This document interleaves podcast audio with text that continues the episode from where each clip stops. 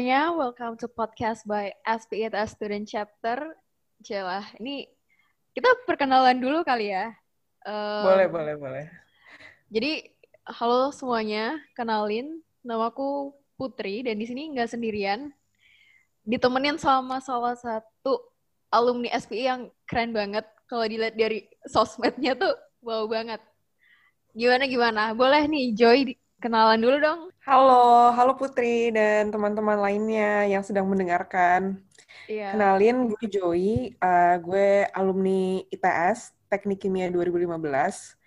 Kebetulan, nggak kebetulan sih, memang dulu juga pengen banget involved in SPI. Jadi gue dari tahun kedua itu udah di SPI jadi staff. Aduh, kalau sekarang tuh namanya apa sih tuh yang suka ngelatih-ngelatih orang lomba?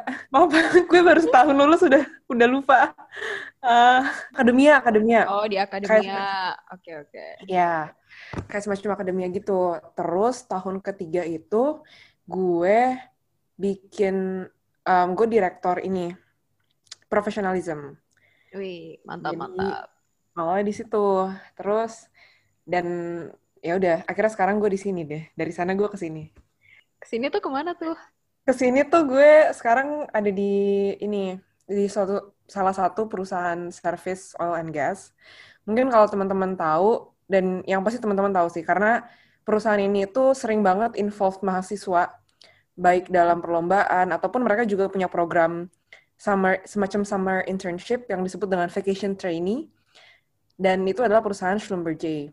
Hmm. Um, aku di sini udah mau setahun, udah setahun mbak, udah setahun dari November tahun lalu dan bekerja sebagai field engineer. Gitu. Oke, okay.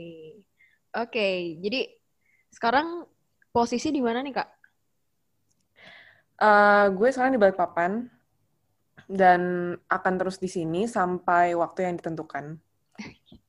Jadi emang pindah-pindah gitu ya kerjanya? Iya dulu tuh gue emang yang membuat Gimana gue tuh? pengen kerja di industri ini tuh karena gue suka jalan-jalan dan menurut gue kerja di sini itu bakal memberikan gue kesempatan untuk jalan-jalan tanpa bayar sendiri, di which okay. is dibayarin perusahaan. Poin penting ya, ya, udah ya. Iya, karena emang udah terbukti juga ini gue dalam setahun gue udah kemarin gue sempat 10 bulan di Ekuador, di Amerika, di Latin Amerika dan ya kalau bukan karena gue ditempatin ke sana itu adalah suatu negara yang mungkin nggak akan gue kunjungin karena tiket pesawat ke sana mahal banget bro. Kayak ngapain kalau gue punya duit pun pasti kan gue bakal mikir untuk ke negara yang lebih deket-deket dulu kan. Ya, Gak mungkin negara sejauh itu gue kunjungin. Jadi itu sih perksnya kerja di industri ini. Hmm, oke okay, oke. Okay. Tapi sebelum kita ngobrolin lebih jauh tentang oil and gas ini ya, ini tanya dulu dong, apa sih apa motivasi sebagai seorang engineer dulu deh, yang general. Sebagai seorang engineer tuh kenapa? Apa emang cita-cita dari kecil atau gimana? Mm-hmm. Oke, okay. jadi itu tuh sebenarnya awalnya pas SMA, gue itu pengennya masuk IPS. Gue pengennya jadi apa tuh namanya duta besar okay. di Kementerian Luar Negeri. Karena tadi gue bilang, gue suka jalan-jalan. Jadi gue mikir, oh kalau gue jadi duta, duta besar kan enak tuh, ditempatin ke mana-mana, dikirim ke mana-mana. Cuman saat itu, orang tua gue gak ngebolehin gue masuk IPS kayak mereka maunya gue masuk IPA. Oke. Okay. Mereka nggak masalah gue nanti mau jadi apa, tapi yang penting gue SMA harus IPA. Hmm. Ya udah, akhirnya gue masuk IPA dan gue belajar tentang sains dan segala macamnya. Di situlah gue mulai tertarik sama um, energy industry. Terlebih lagi sebetulnya di renewable energy. Karena okay. waktu itu gue sempat nonton ada di Nat Geo tentang betapa um, industri migas itu sebetulnya sudah merusak dunia dan okay. kita intinya butuh semacam transformasi. Hmm. Oke, okay, gue pengen ke renewable energy. Tapi di situ gue um, ngeliat kalau sebetulnya di Indonesia kita punya potensi renewable energy itu tinggi. Yep. Tapi sebagai fresh graduate, honestly, um, we don't really have a link to go there. Oh, oke. Okay. Karena karena industri itu sedang dalam fase develop pink hmm. dan yang mereka butuhkan itu biasanya either experience atau orang-orang yang emang semacam scientist buat R&D-nya atau research and development-nya. Dan itu juga terbukti kalau kalian um, sadari ya, di masa kuliah tuh sebenarnya banyak banget orang bikin seminar lah, bikin webinar lah, ngomongin tentang potensi Indonesia di bidang renewable energy atau ngomongin tentang renewable energy. Tapi sebenarnya mereka nggak pernah ngejelasin gimana sih cara kita sebagai fresh grade itu ke dalam industri itu. Hmm. Karena nggak ada linknya.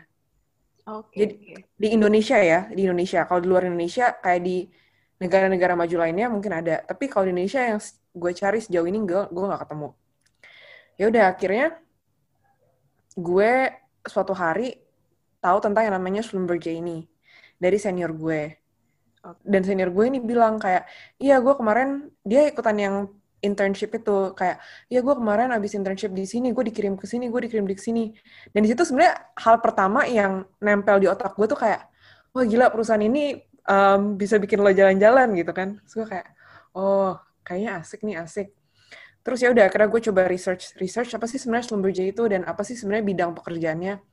Dan gue ngeliat itu kayak, oh ternyata gue tertarik gitu. Jadi sebenarnya di sini tuh kayak apa ya, ada konflik itu loh dalam diri gue. Karena pertama gue tertarik engineering karena gue tertarik sama renewable energy.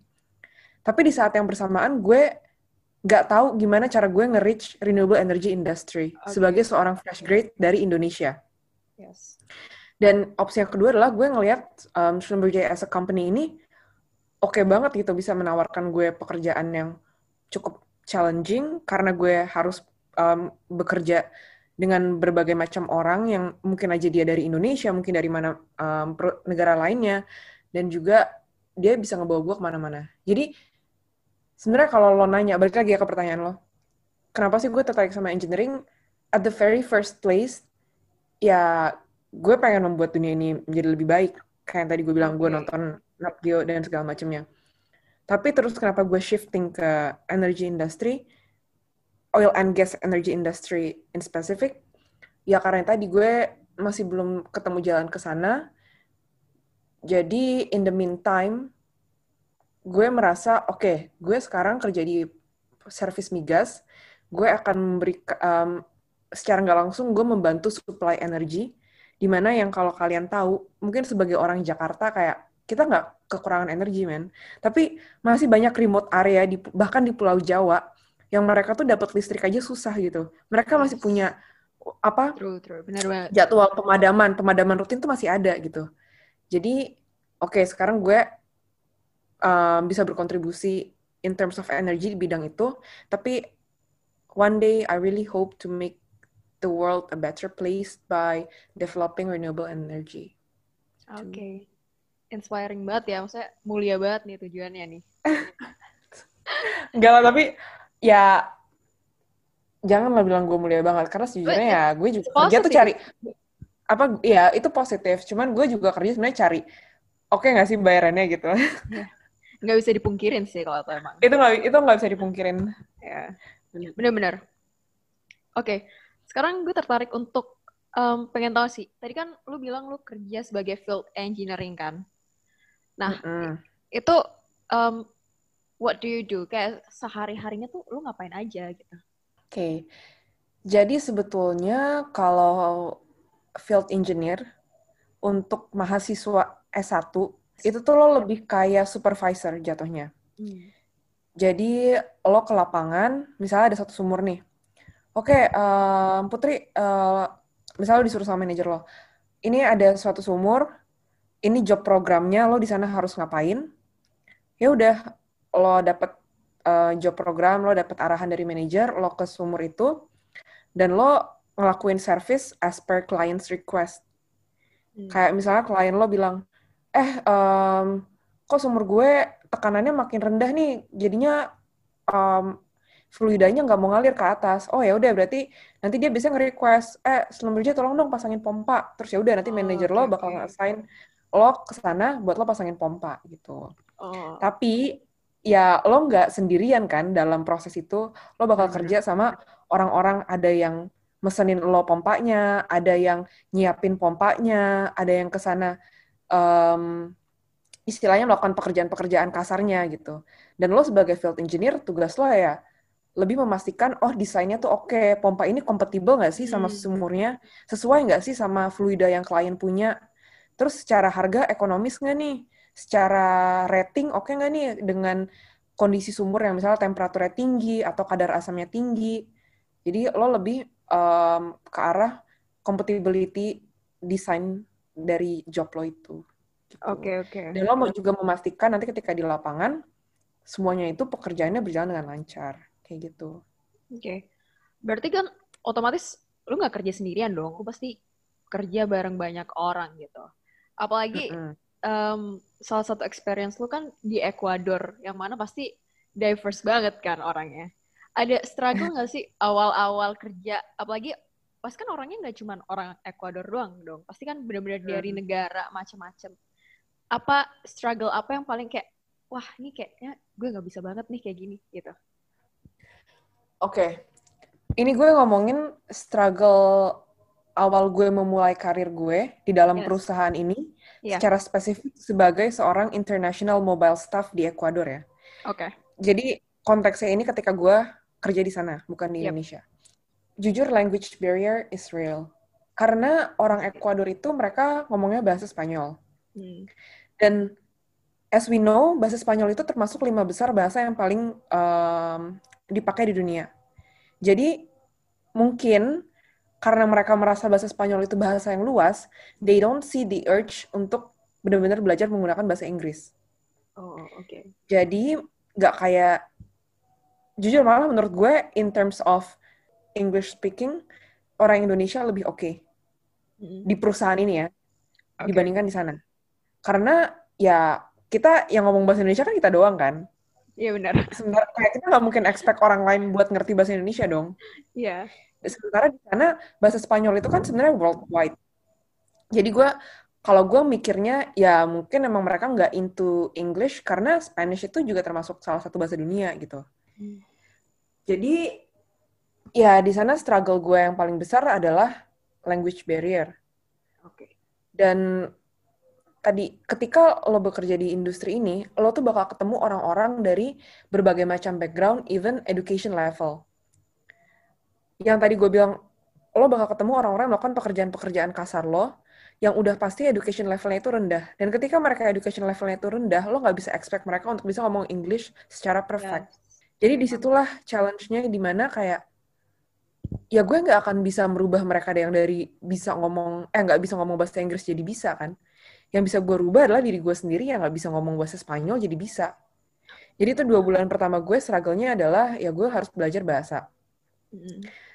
Dan um, apa ya mungkin kalau dulu gue ngerasanya gue sendiri banget sih. Karena di Ecuador itu sendiri juga nggak banyak orang Indonesia-nya.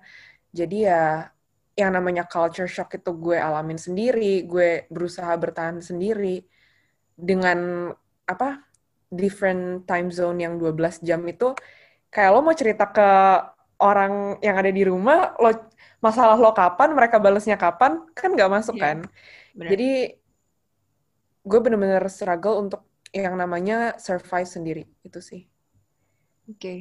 Ber berarti emang secara culture-nya aja udah beda berarti work environment-nya juga udah pasti beda banget dong ya ya nggak sih dibanding hmm. sama Indonesia Um, sebetulnya working environment-nya nggak sebeda itu ya sama Indonesia, hmm. antara Ecuador sama Indonesia. Kalau lo ngebandingin, misalnya apa ya, hmm, negara-negara hmm, di Eropa, itu iya pasti bakal beda banget.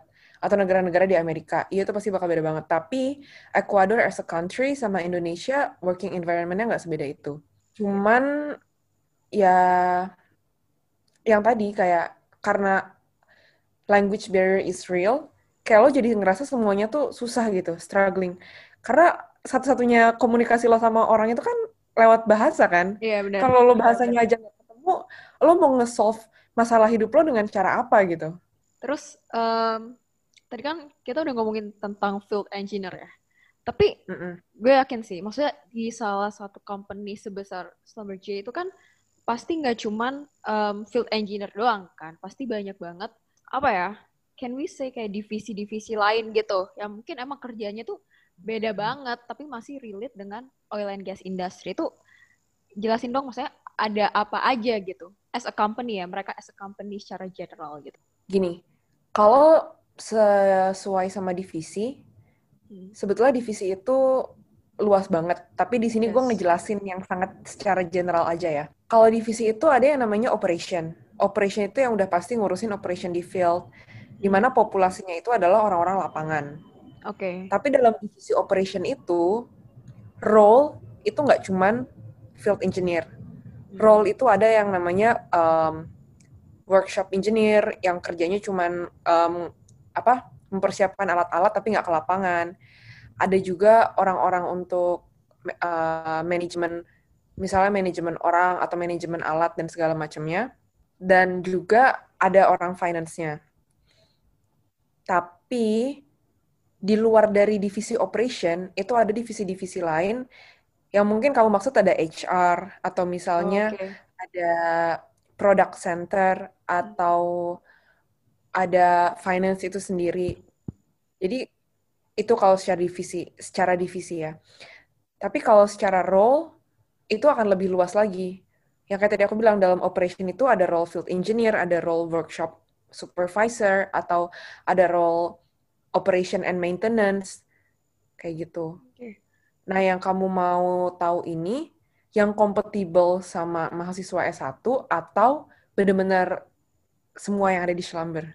Ini kayak karena gue yakin mayoritas yang dengerin adalah anak-anak S1.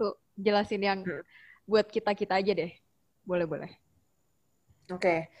Jadi kalau yang gue lihat di perusahaan ini, kalau mahasiswa S1 itu biasanya bakal jadi, of course, field engineer, atau sebenarnya kalian bisa jadi product engineer, di mana product engineer itu role-nya kalian nggak ke lapangan, tapi kalian bakal ke product center-nya perusahaan ini. Ada beberapa di dunia, dan kerja kalian itu cuman, nggak cuman sih, kerja kalian adalah ngedesain alat-alat yang bakal dipakai sama orang-orang lapangan. Oke. Okay. Jadi emang lebih ke research and development untuk produk-produk hmm. si perusahaan ini. Terus ada juga maintenance engineer, maintenance engineer itu yang setiap alat yang kita punya kan harus di-maintain kan. Yep. Jadi itu biasanya dia um, di dari workshop ke workshop buat ngecek apakah alatnya um, perlu diperbaiki. Kan kita juga punya inspeksi tahunan, bulanan itu mereka yang kerjain.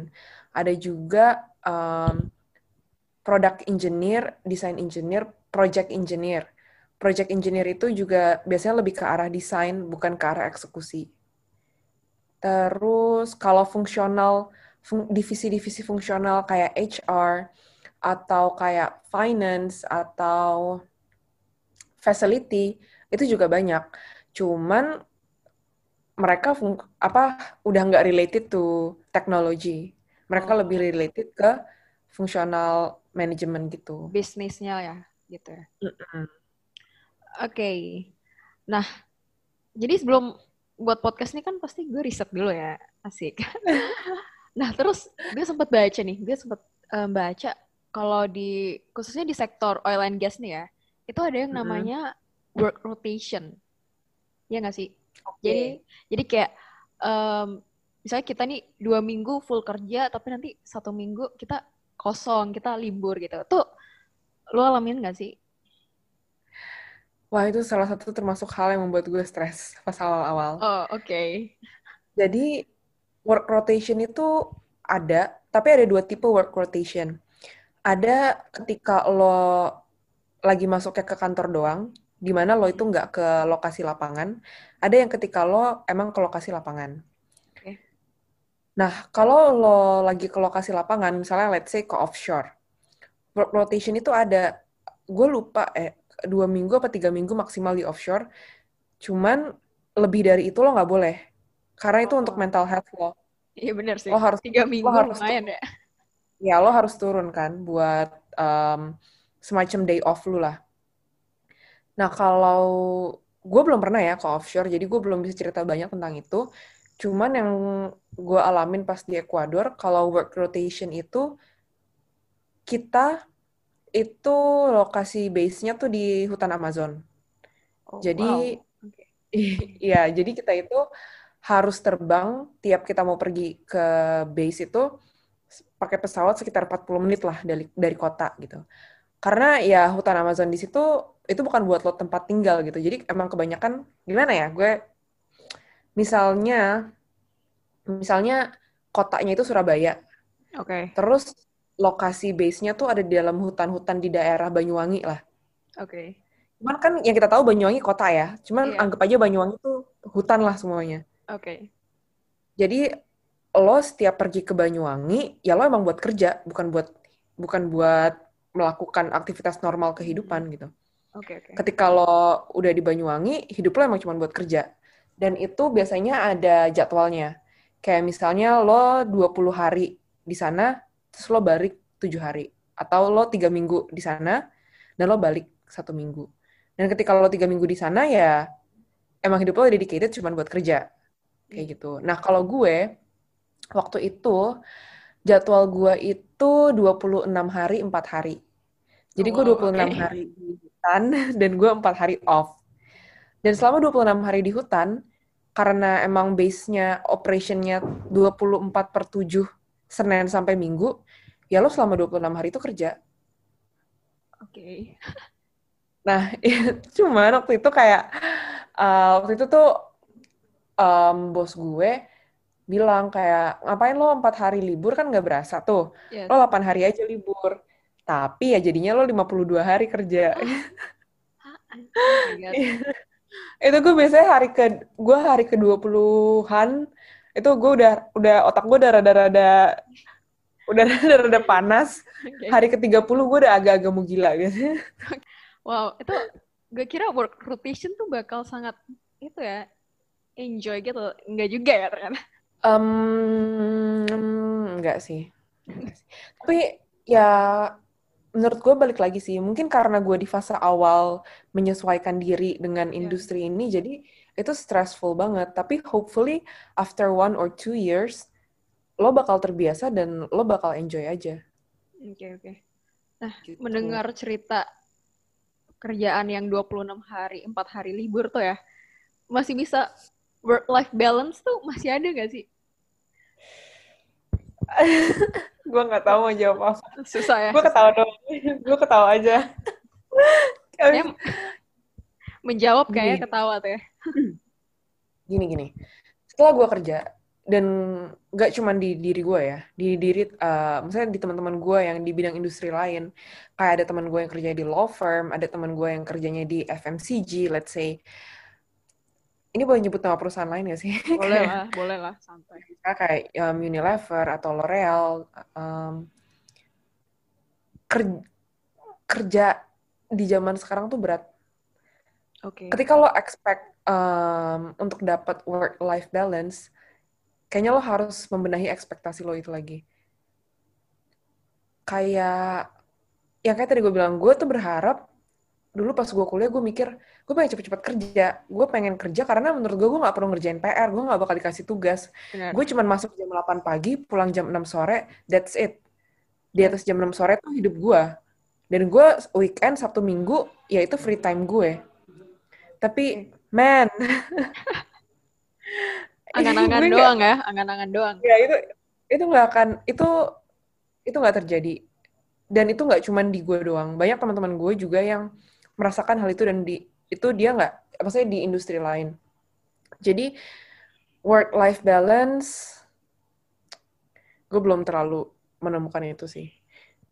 Tapi kalau gue ya cara gue adalah um, lo tuh harus bisa ngedefine apa sih yang bikin lo senang gitu ketika lo udah tahu lo apa yang bikin lo seneng, lo akan punya motivasi untuk menyisihkan waktu lo atau kayak ngejar target lo untuk melakukan hal-hal tersebut.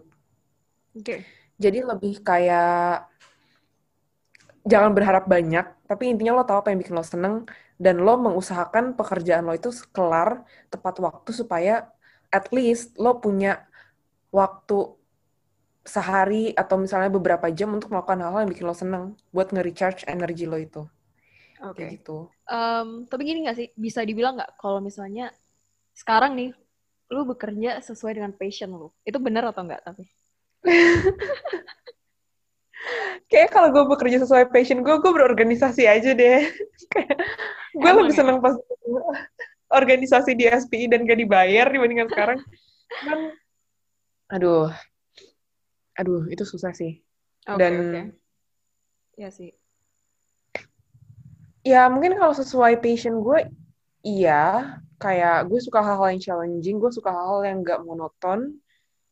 Tapi gue belum ada sampai di uh, di tahap di mana kayak um, orang bilang you you do what you love ya kan? Oke okay, iya kayak um, intinya adalah your job is what you love gitu kan? Tapi hmm.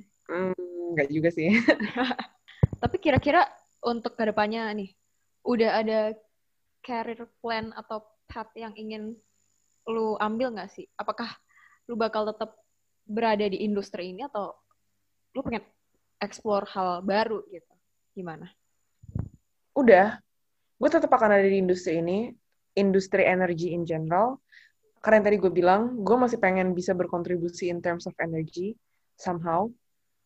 Jadi gue punya career plan untuk gue bisa stay di perusahaan ini ada, tapi you know how bad it is this okay. year. Jadi gue udah pernah juga bikin contingency plan. Kalau apa yang if the worst come to real life gue harus ngapain gue udah punya juga tapi yang pasti kalau emang gue diizinkan untuk stay di sini lebih lama ya gue pengen stay di sini karena um, perusahaan ini meskipun awalnya terkenal sebagai oil and gas industry tapi okay. sekarang kita juga udah mulai shifting ke renewable energy oh. service industry jadi kita udah ada proyek-proyek baru cuman yang kayak tadi biasa yang gue pernah jelasin sebenarnya kondisinya sama kayak gimana renewable energy di Indonesia, di mana kita masih tahap development. Okay, iya. Jadi ya fresh grade fresh grade seperti kita ini sebenarnya bukan priority untuk bekerja di sana karena karena masih tahap pembangunan itulah yang karena itu tahap kritikal ya. Biasanya orang-orang yang udah punya pengalaman yang banyak atau education levelnya tinggi yang bisa dibutuhkan. Um, sekarang ini bakal bahas ke salah satu topik yang kayaknya lagi in-in banget gitu yaitu peran lu sebagai seorang perempuan di industri kayak gini yang mungkin orang-orang ngiranya apa mayoritas laki-laki gitu ya. Pernah nggak sih ada pengalaman ketika lu ngerasa kayak wah ini nggak bener nih, masa karena gue perempuan gue jadi gini-gini gini gitu. Apakah lu merasakan atau pernah mengalami hal kayak gitu? Kadang jokes jokes laki-laki di lapangan itu bisa harsh banget sih buat perempuan. Tapi gini, kalau gue tuh orangnya gini. Kalau lo ngerasa comfortable dengan hal tersebut, oke. Okay. Kalau lo ngerasa uncomfortable dengan hal tersebut, then speak up. Jadi kalau buat gue sendiri kadang jokes-jokes yang masih gue kayak, oh ya gue terima sih, ya gue ikutan ketawa aja. Cuman ada hal-hal yang emang udah sensitif, itu biasanya gue bakal ngomong gitu kayak hmm. eh lo jangan kayak gini dong um, itu kan defensif buat orang lain gitu oke okay, oke okay. atau misalnya uh, pas gue waktu itu di Ekuador kayak tadi gue bilang lo tuh bakal kerja sama orang-orang yang education levelnya nggak setara sama lo yep. dan di situlah lo itu harusnya bisa mengeducate kayak misalnya okay. ada salah satu orang waktu itu uh, gue punya temen dia dari Singapura terus um, orang itu kayak um, ih Chinese Chinese pokoknya say something racial. Oke okay, oke. Okay. Mungkin buat dia itu dia cuman kayak oh orang Cina orang Cina tapi buat teman gue itu kan bisa jadi hal yang rasis yeah, kan. benar benar. Dan di situ akhirnya gue bilang ke orang itu kayak eh lo jangan ngomong kayak gitu karena nanti dia itu bisa jadi defensif eh itu bisa jadi ofensif buat dia gitu. Terus habis itu orang yang tadi ngomong Chinese Chinese itu dia bilang oh iya ya gue nggak tahu gitu oh oke okay, oke okay, gitu jadi ternyata ada alasannya kenapa dia berbuat hal itu kenapa jadi ya itu karena dia nggak tahu karena education level dia rendah dan dia nggak hmm. punya exposure terhadap ya, benar. dunia luar dunia luar Ekuador tuh kayak gimana Yep. Jadi kalau buat perempuan-perempuan kan sebenarnya kita tuh lebih sensitif kan sama hal-hal yang kayak gitu. Yeah. Nah, ketika lo ngerasa sensitif dan ketika lo ngerasa itu adalah hal yang salah, jangan dipendam sendiri atau lo jadi bete-bete sendiri, but you have to address it. Kayak kenapa sih orang itu bisa kayak gitu? Oh mungkin ada backgroundnya dan kalau misalnya ternyata dia semacam dia nggak tahu kalau yang dia lakukan itu salah, ya kasih tahu kayak gitu sih karena kan kalau orang perempuan biasanya lebih nggak cuek kan iya yeah. nah rasa nggak cuek lo itu atau kesensitif kesensitifan lo itu jangan lo pendem dan malah bikin lo bete atau murung seharian. Tapi keluarkanlah itu dan lo address hal tersebut sama orang itu. Kayak gitu. Kuncinya speak up lah ya berarti ya. Kayak ketika lo yeah. merasa udah lo nggak suka ya lo ngomong gitu. Daripada sakit sendiri gitu kan Iya kan kalau perempuan kan biasanya kan suka kode-kode gimana gitu kan yeah. Ini sebenarnya halnya sama juga sebagai perempuan yang suka kode-kode ke misalnya laki-laki atau teman-temannya. Man, nggak semua orang di dunia ini bisa ngebaca pikiran lo dan nggak semua orang di dunia ini punya sensitivity level, sensitivity, sensitivity level yang sama kayak lo. Kita kan sebagai perempuan tuh sensitif itu sebenarnya bukan hal yang negatif ya. Itu hal yang positif, uh, bisa jadi hal yang positif karena kita akan lebih peka, kita akan lebih ngerasa empati, simpati sama orang lain. Tapi di saat yang bersamaan, ketika lo punya sensitivity level tinggi, lo akan expect orang untuk melakukan hal yang sama ke lo. Padahal sebenarnya nggak semua orang kayak gitu. Jadi ya sebagai perempuan gunanya kita di sini um, kita bisa melengkapi uh, kebiasaan-kebiasaan yang mungkin dianggap beberapa orang mereka cuek aja karena itu biasa, tapi sebenarnya buat beberapa orang lainnya itu nggak biasa, ya kita coba address hal tersebut dengan baik-baik. Kayak gitu. Menyambung tadi lu bilang bahwa sebelumnya kita udah sempat ngobrol-ngobrol ya tadi sebelum kita take podcast. Tadi lu sempat mm -hmm. bilang bahwa um, ya kita semua sekarang facing the same thing yaitu COVID-19 gitu ya. Apakah mm -hmm. pandemic sekarang ini tuh um, benar-benar sebesar itu mempengaruhi ke apa ya? Bisa dibilang mungkin ke industri in, ke industri oil and gas ini dan mungkin ke sistem dan cara kerja lu gitu kan? Yes, for sure. Yes. Oke. Okay. Um, bisa ceritain dikit nggak apa yang paling berpengaruh gitu?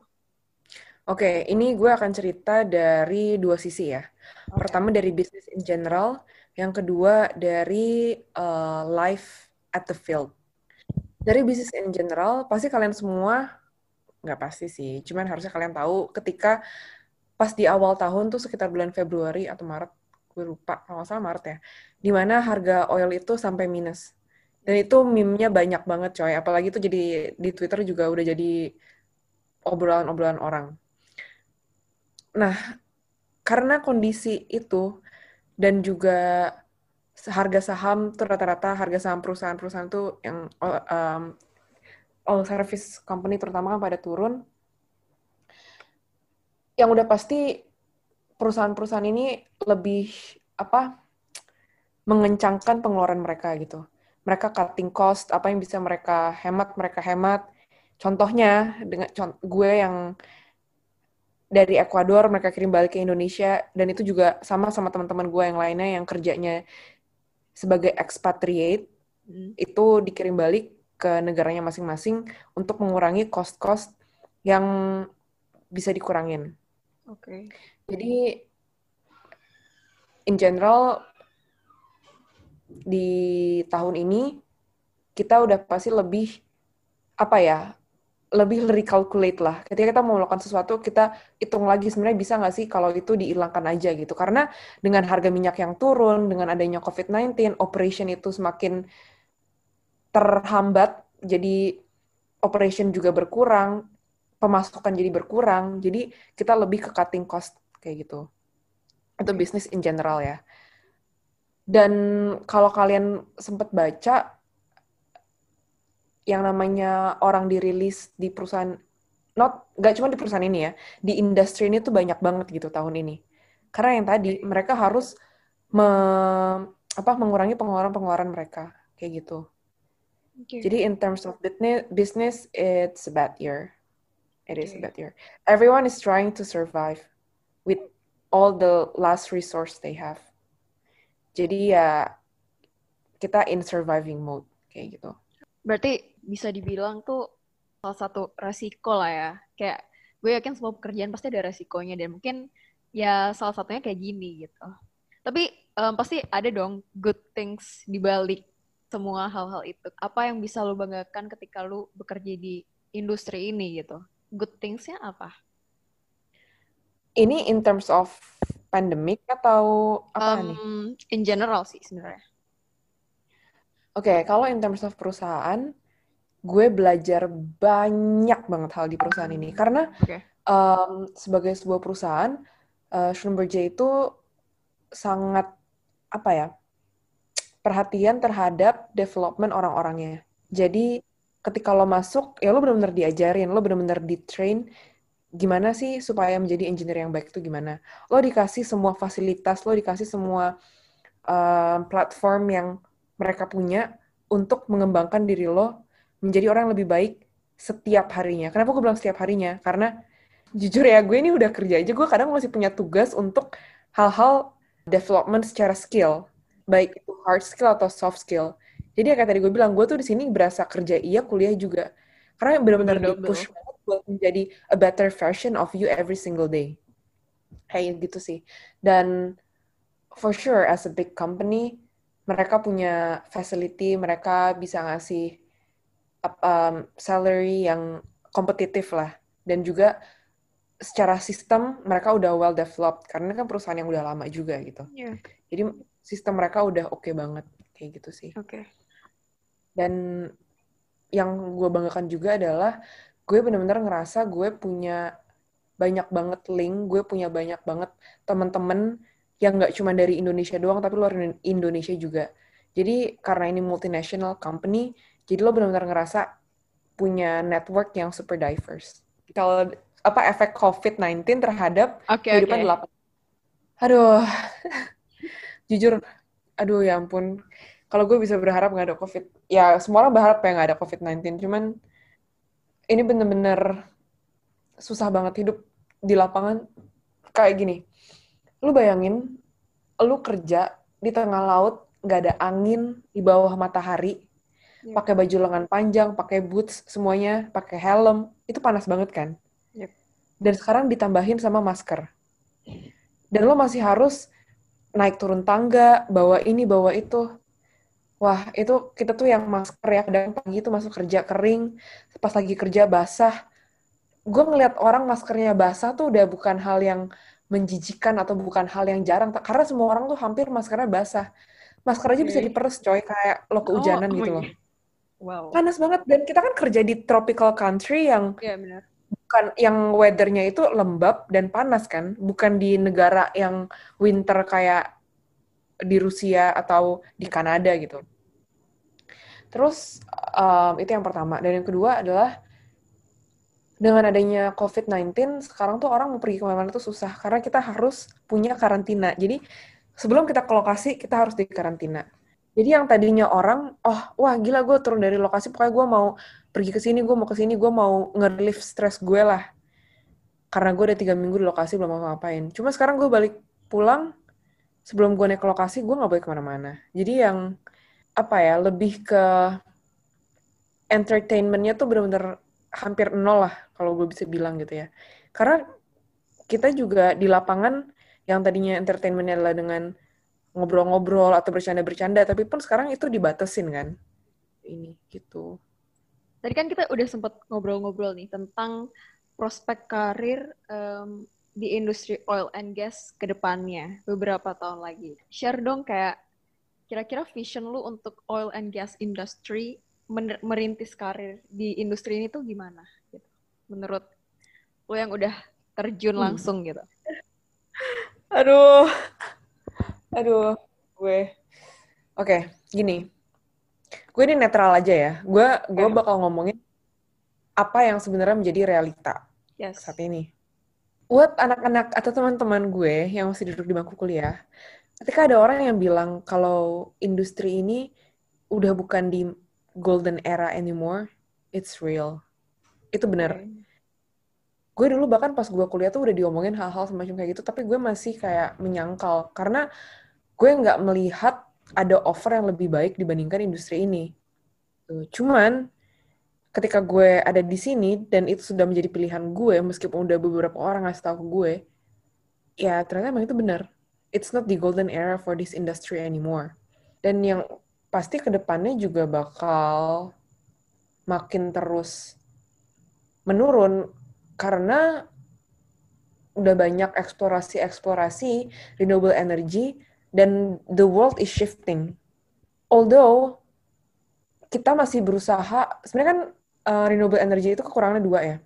Pertama, mobilisasinya itu belum semudah mobilisasi um, oil and gas. Yes. Karena kayak misalnya contoh ambil um, tenaga surya atau misalnya turbin, wind turbine itu kan renewable energy itu semuanya di-convert ke listrik kan. Yeah. Dan salah lo kalau lo mobilis mobilisasi listrik, either lo pakai baterai yang lo harus provide nggak tahu baterai segede-gede apa buat mengalirkan tenaga megawatt, atau lo pakai kabel listrik. Tapi kekurangannya apa? Kalau lo pakai kabel listrik akan ada banyak resistance di mana in the end energi lo bakal tereduksi, tereduksi, yeah. tereduksi. Jadi nggak hmm. efisien. Dan kekurangan yang kedua adalah storage karena itu harus langsung di-convert, lo mau storage dalam bentuk apa? Oke, yang tadi gue bilang, lo baterai, baterai lo mau segede rumah apa? Nah, tapi meskipun itu challenge, dunia itu um, terus masih terus menggali dan masih terus melakukan riset gitu loh. Dan pelan, slowly but sure, itu semua bakal ke solve masalah-masalah itu. Dan juga perusahaan-perusahaan yang sekarang mengembangkan teknologi untuk ngedevelop renewable energy dengan cara yang lebih um, efisien dan lebih murah tuh juga semakin banyak gitu. Jadi ya untuk ke depannya pasti mau nggak mau kita bakal bakal shifting ke renewable energy. Karena faktor utama eh ya faktor utama yang nggak bisa kita neglect itu environment problem kan. Dengan adanya apa global warming dan lain-lainnya itu itu sesuatu yang nggak bisa kita apa um, rubah gitu loh itu nggak bisa kita hentikan jadi mereka itu benar-benar kondisi itu benar-benar memaksa kita untuk shift yep. nah tapi di um, di satu sisi sebetulnya ada juga manfaat dari petroleum yang nggak cuma di bidang transportasi doang kayak bidang chemical itu tuh banyak menggunakan petroleum um, produk kan. Jadi ke depannya pasti industri ini masih ada, tapi ya it's not the golden era anymore. Either mereka nggak akan membutuhkan orang sebanyak itu, atau um, apa ya? Ya itu sih, menurut gue harapannya adalah teman-teman nggak cuma ngelihat betapa menariknya industri migas, tapi juga melihat industri-industri lainnya kayak renewable energy. Jujur gue nggak tahu kapan renewable energy industry itu bakal visible buat fresh grade bisa involved in there. Tapi gue tahu beberapa orang yang sedang mengusahakan mengusahakan hal tersebut. Sebelumnya dia bekerja di perusahaan yang sama kayak gue, tapi sekarang dia udah nggak lagi. Jadi ya ke depannya ketika kalian berpikir tentang career plan kalian, ya coba lihat lagi sebenarnya dunia lagi butuh apa. Tapi kalau emang lo cuma solely pengen cari duit dan yang lo pikirkan ya udah duit gue yang gede aja, ya silahkan masuk gitu ke sini. Cuman ya tadi ke depannya it's not so promising anymore.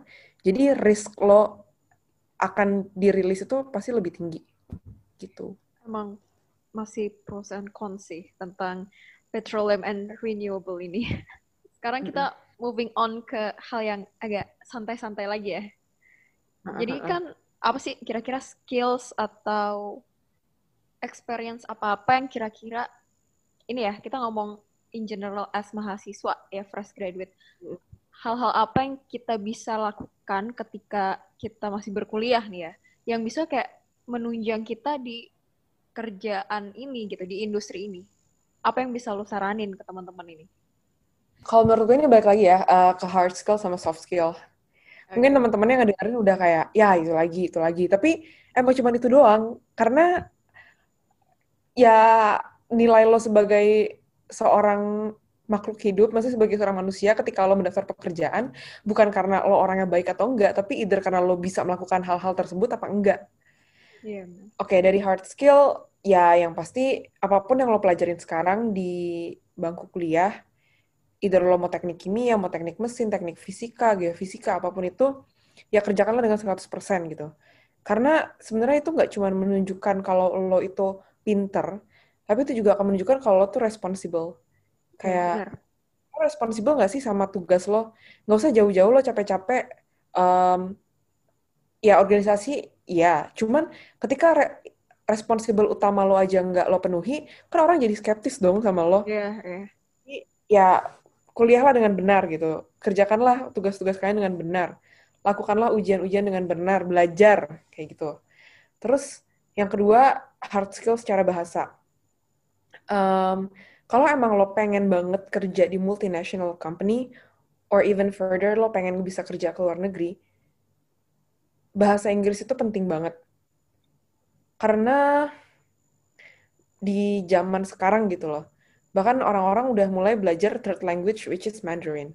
Yeah. Jadi bahasa Inggris itu udah bukan sesuatu hal yang um, kalau lo nggak bisa itu biasa, it's okay gitu.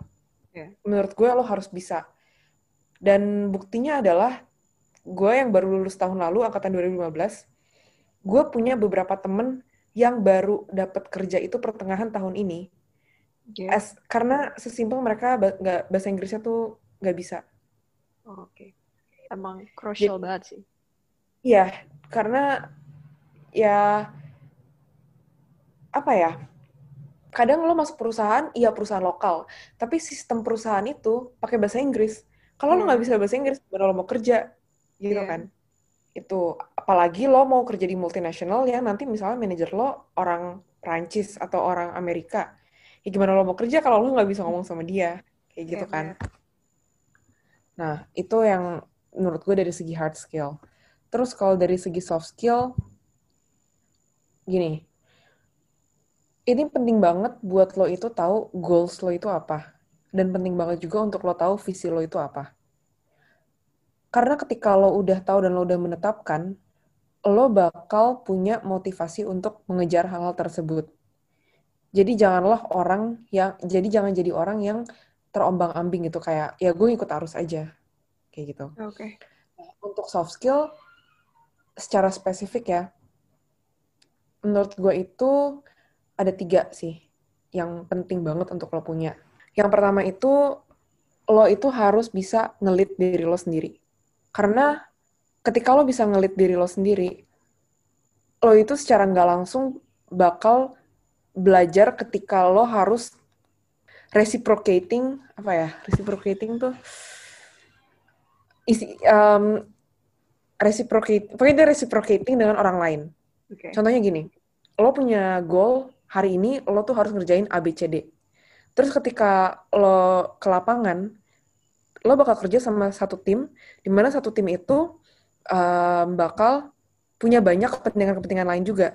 Nah, ketika lo nggak bisa ngelit diri lo sendiri, itu lo bakal kewalahan. Lo bakal kayak bingung, aduh ini gue harus ngerjain apa? Orang gue punya um, kerjaan gue tapi kok gue juga jadi harus ngerjain pekerjaan um, kantor gitu pekerjaan tim gitu tapi sekarang di mana-mana tuh lo bakal ngerasain yang namanya kayak gitu di mana lo punya dua tugas. Yang satu harus lo kerjain sendiri dan satu lagi lo harus kerjain sama orang-orang.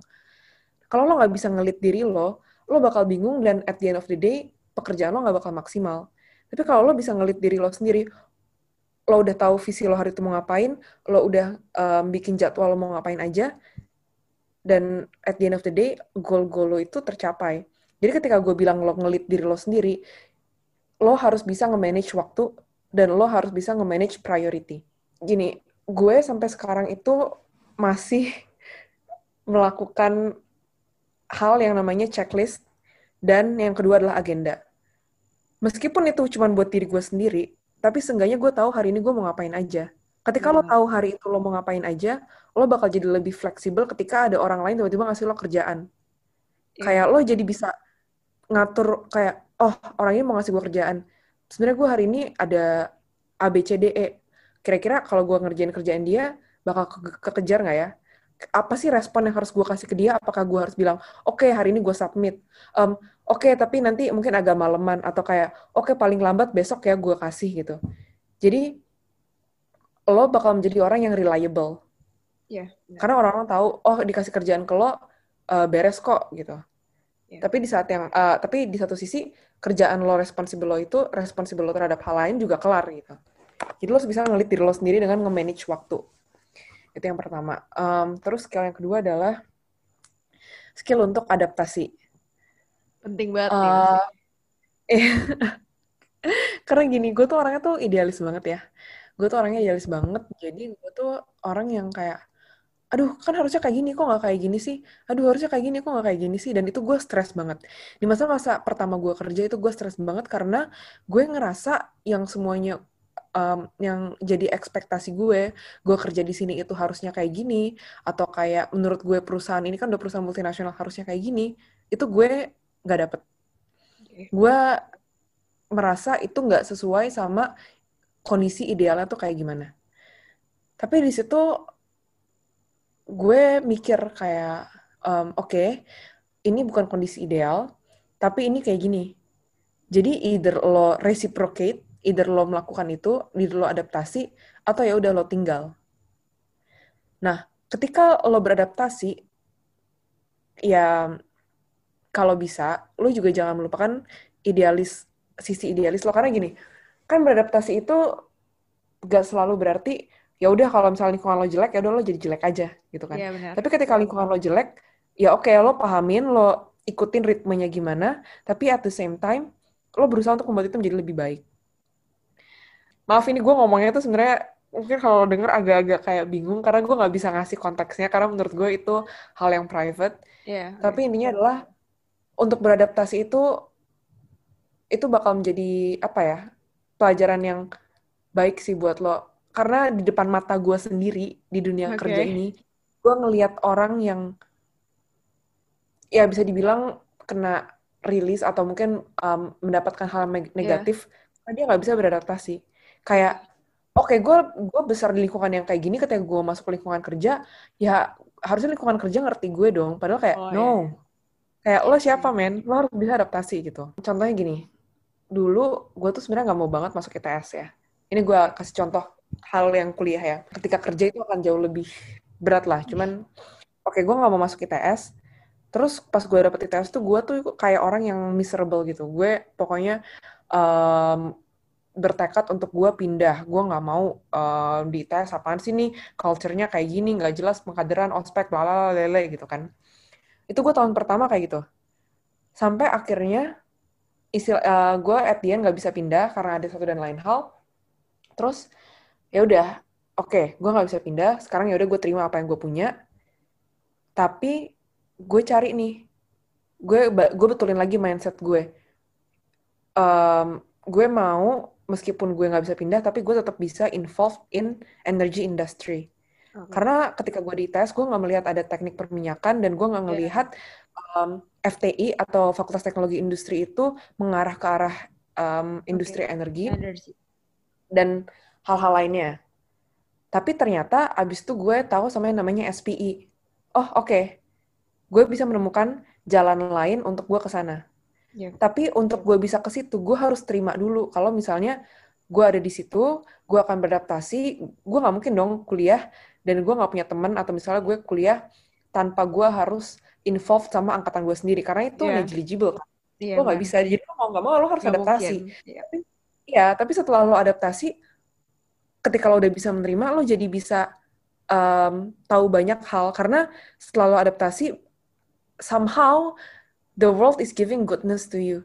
Yeah. Kayak gue uh, oke okay. mungkin ini akan terdengar apa ya um, agak semacam religious or something like that. Okay. Tapi gue yakin banget ketika lo mencoba untuk melakukan hal yang baik ke lingkungan di mana pun lo berada dan ketika lo berusaha untuk let's say menjadi beradaptasi karena dengan lo beradaptasi lo akan berusaha menjadi baik kan dengan lingkungan yeah, itu sure. ya somehow lingkungan lo itu memberikan hal yang baik juga ke lo dan itu gue nggak cuman ketika gue di tes ketika gue di Ekuador atau bahkan ketika gue balik lagi ke Indonesia pun it always works somehow. Oke. Okay. Wow. Iya, gitu sih. Dan yang ketiga adalah independent.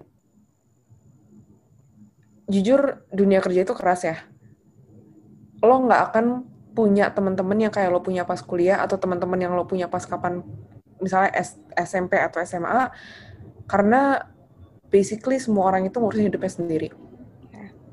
Jadi berusahalah dari kuliah untuk lo nggak ngerilai apa pun itu sama orang lain. Ketika lo mau ulangan ya udah lo belajar. Ketika lo mau um, misalnya ada presentasi atau apa, ya udah lo kerjain dan emang lo melakukan bagian lo sebagaimana mestinya. Karena ketika lo udah terbiasa melakukan semuanya sendiri dan ketika lo udah terbiasa nggak dependent ke orang atau lo nggak punya ekspektasi yang tinggi terhadap orang lain, nanti lo akan lebih mudah untuk um, menyelesaikan apa pun itu yang dikasih sama lo, atau lo akan lebih mudah untuk um, survive. For example gini, uh, gue nih di sini sejujurnya salah satu hal yang membuat kadang bisa kenapa gue nggak bisa bilang gue punya work life balance? Karena okay. meskipun gue punya let's say day off day off gue kan nggak sama kayak orang-orang yang kerja kantoran pada umumnya. Kan ketika orang-orang weekend libur terus gue liburnya baru hari Senin Selasa Rabu ya udah kayak gue tetap harus bisa menikmati hari libur gue itu kan. Iya benar. Nah ketika orangnya yang kayak dependent sama orang lain um, misalnya kayak aduh gue mau pergi ke mall tapi gue nunggu kalau ada yang bisa gue ajak deh. Oh, itu nggak akan okay. cuy sampai sampai gue, waktu gue sama mereka sama gitu. Ya kalau gue mau ke mall dan gue perlu beli sesuatu ya udah gue lakuin aja sendiri selama gue bisa ngerjain itu sendiri. Yeah. itu sim itu hal yang contoh kecilnya banget gitu. Kalau misalnya lo bawa ke konteks yang lebih gede misalnya ketika lo di tempat kerja atau misalnya di tempat organisasi lo dikasih tugas tapi lo nggak tahu um, cara uh, mengerjakannya gimana atau lo ngerasa atasan lo ini ngasih lo sesuatu tapi dia nggak ngasih resource-nya gitu ya lo jangan nunggu dia ngasih resource-nya ya lo cari gitu resource-nya inisiatif okay. inisiatif jadi independen dan inisiatif lah kayak gitu oke okay. oke okay, wow -hmm. lumayan masuk banget ya bahasan kita kali ini iya soalnya gini gini oke okay. Sebetulnya menurut gue kaderisasi itu oke okay, bagus tapi ada satu hal yang dulu gue agak oppose karena kan di kaderisasi kan dibilang kayak ya udah lo um, seangkatan intinya lo um, apa ya memaksimalkan angkatan lo gitu kan. Nah di situ tuh gue mikir kayak oke okay, gue selama kuliah gue punya angkatan gue tapi ketika gue lulus kan gue harus menjalankan hidup gue sendiri. Yeah. Kayak kenapa lo di kader bukannya mempersiap bukannya um, mematangkan pribadi orang masing-masing, tapi malah selalu yang di nomor satukan itu adalah angkatan, angkatan, angkatan. Jadi kayak gue ngerasa lo tuh dibiasakan untuk rely sama orang lain. Padahal okay, sebenarnya okay. ketika lo lulus dari kuliah, ya at the end lo harus mengerjakan semuanya sendiri. Iya gitu. benar-benar. Ketika lo kuliah, harusnya lo mempersiapkan apa yang akan terjadi setelah kuliah, bukannya mindset lo cuma dipersiapkan intinya lo survive kuliah gitu. Tapi kan yang ya, harus benar. lo survive kan kehidupan, bukan kuliah ya. gitu kan. Wow, setuju, setuju. Benar banget sih itu tapi. Oke, okay, ini kita ngobrol udah lumayan lama. Last nih, terakhir. Sebagai seorang alumni nih, kasih dong pesan sepatah dua kata aja buat kita yang kira-kira nih mungkin ada yang sebentar lagi mau memasuki dunia profesional dunia kerja, apa nih saran dari lu? Saran ya. Oke, okay, sebenarnya gue punya salah satu, eh, gue punya satu semacam quotes atau pegangan hidup terhadap diri gue sendiri, yang di mana itu dari gue SMA, itu ngedorong gue buat terus maju. Jadi intinya itu kayak, we shouldn't live only for now, but we should live for tomorrow or next month, next year, or even 10 years later. Jadi okay. mindset lo adalah lo itu jangan cuma mikir hari ini, tapi lo mikir gimana caranya lo itu hidup buat besok juga, bulan depan dan tahun depan. Dan di situ yang pengen gue tekankan adalah penting banget buat kita itu punya yang namanya plan. Buat okay. kita itu punya yang namanya goal. So, sebagai kalian mahasiswa-mahasiswa yang di tahun pertama, kedua, ketiga, atau keempat, cobalah kalian tulis kalian tuh tahun depan mau ngapain, atau kalian itu um, tahun ketiga mau ngapain, atau kalian setelah lulus mau ngapain. Kayak gue setahun sebelum gue lulus, itu gue udah bikin option, gue satu, gue mau kerja di mana, oh enggak, gue bikin option waktu itu dua, apakah gue akan kerja atau gue akan kuliah. Okay. Kalau option uh, di option yang pertama kerja, gue tulis tiga uh, pekerjaan utama atau perusahaan yang pengen gue mau tuh apa aja. Abis itu di setiap perusahaannya gue breakdown lagi. Oke okay, perusahaan itu requirement gue mau posisi apa, requirement untuk dapat posisi itu apa, dan gue punya waktu setahun yang bisa gue lakukan apa. Jadi gue bisa ngeliat nih sebetulnya masuk akal nggak sih kalau gue mau masuk ke sana. Oh. Kalaupun uh, masuk akal, kira-kira ada nggak sih yang masih gue persiapin lebih lanjut gitu. Itu untuk yang opsi pertama. Terus yang opsi kedua, oke okay, gue mau sekolah lagi. Gue mau sekolah di bidang apa, gue mau sekolah di mana aja, requirement-nya apa aja, apakah kira-kira gue punya opsi untuk dapat beasiswa atau enggak ke sana, atau gue harus biaya pakai um, biaya sendiri. Jadi saran gue adalah um, jangan sampai ketika kalian kerja dan kalian harus making decision, kalian jadi kaget karena ketika lo udah kerja udah udah punya udah ngerasain yang namanya terima duit itu tuh kalian bakal ngerasa punya kekuatan deh kayak apa ya gue udah punya duit sendiri gue bisa melakukan apa pun yang gue mau kayak gitu jadi takutnya malah nggak terkontrol tapi ketika lo udah terbiasa, terbiasa punya plan lo akan lebih berpikir gitu loh sebelum lo melakukan sesuatu yeah. jadi saran gue ya don't live only for today tapi lo juga harus memikirkan hidup untuk besok, tahun depan, dan tahun-tahun berikutnya. Jadi ya. Oke, okay, wow. Itu guys, dengerin saran dari seorang Joy di Bora. Wow. ya gue, apa ya, um, maksudnya, sorry nih, gue bukan sombong, tapi kayak kadang tuh orang kayak, wah Mbak Joy, kok bisa gini-gini? Sebenarnya tuh simple banget, sebenarnya tuh simple banget hal yang tadi gue bilang. Lo harus selalu punya plan, lo harus selalu tahu lo tuh harus mau ngapain. Yeah. Karena setuju, setuju sesimpel, kalau udah tau mau ngapain, sesimpel lo udah bisa nge-manage waktu lo, semuanya tuh bakal terkalkulasi gitu. Semuanya tuh lo bakal lo bakal bisa tahu arahnya mau ke mana. Kalau misalnya nggak bisa ke sana, um, pilihan kedua lo apa? Kayak gitu. Itu ya. masuk akal apa enggak sih? Iya benar. Kayak gitu. Jadi buat anak anak-anak kuliah sih, ya. gue juga baru lulus. Ingat ya, catat catat tiga hal itu. Yang pertama lo harus punya plan. Yang kedua lo harus bisa nge-manage waktu lo gue sampai sekarang pun gue tuh masih bikin agenda kayak gue jam bahkan gue selalu nulis di kalender gue gue jam 12 malam sampai jam 7 pagi gue tidur. Jam 7 pagi sampai jam 8 pagi gue siap-siap kerja dan sarapan. Jam 8 pagi sampai jam berapa gue ngapain. Karena nanti secara nggak langsung lo akan terbiasa teratur gitu. Dan yang ketiga supaya lo nggak lupa tiap hari ya lo bikin aja to do list. Okay. it sounds apa ya? Mungkin itu terdengar hal-hal yang mungkin udah sering lo denger tapi kalau lo maksimalin semuanya itu everything is on your reach. Jadi okay. mantap banget. Disampaikan oleh seseorang yang udah proof gitu ya.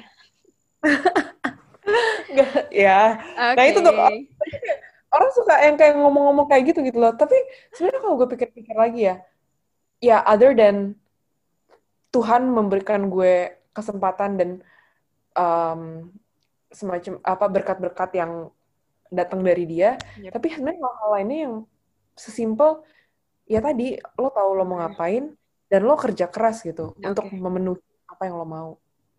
Oke okay, jadi kita udah kayaknya udah hampir sejam gak sih?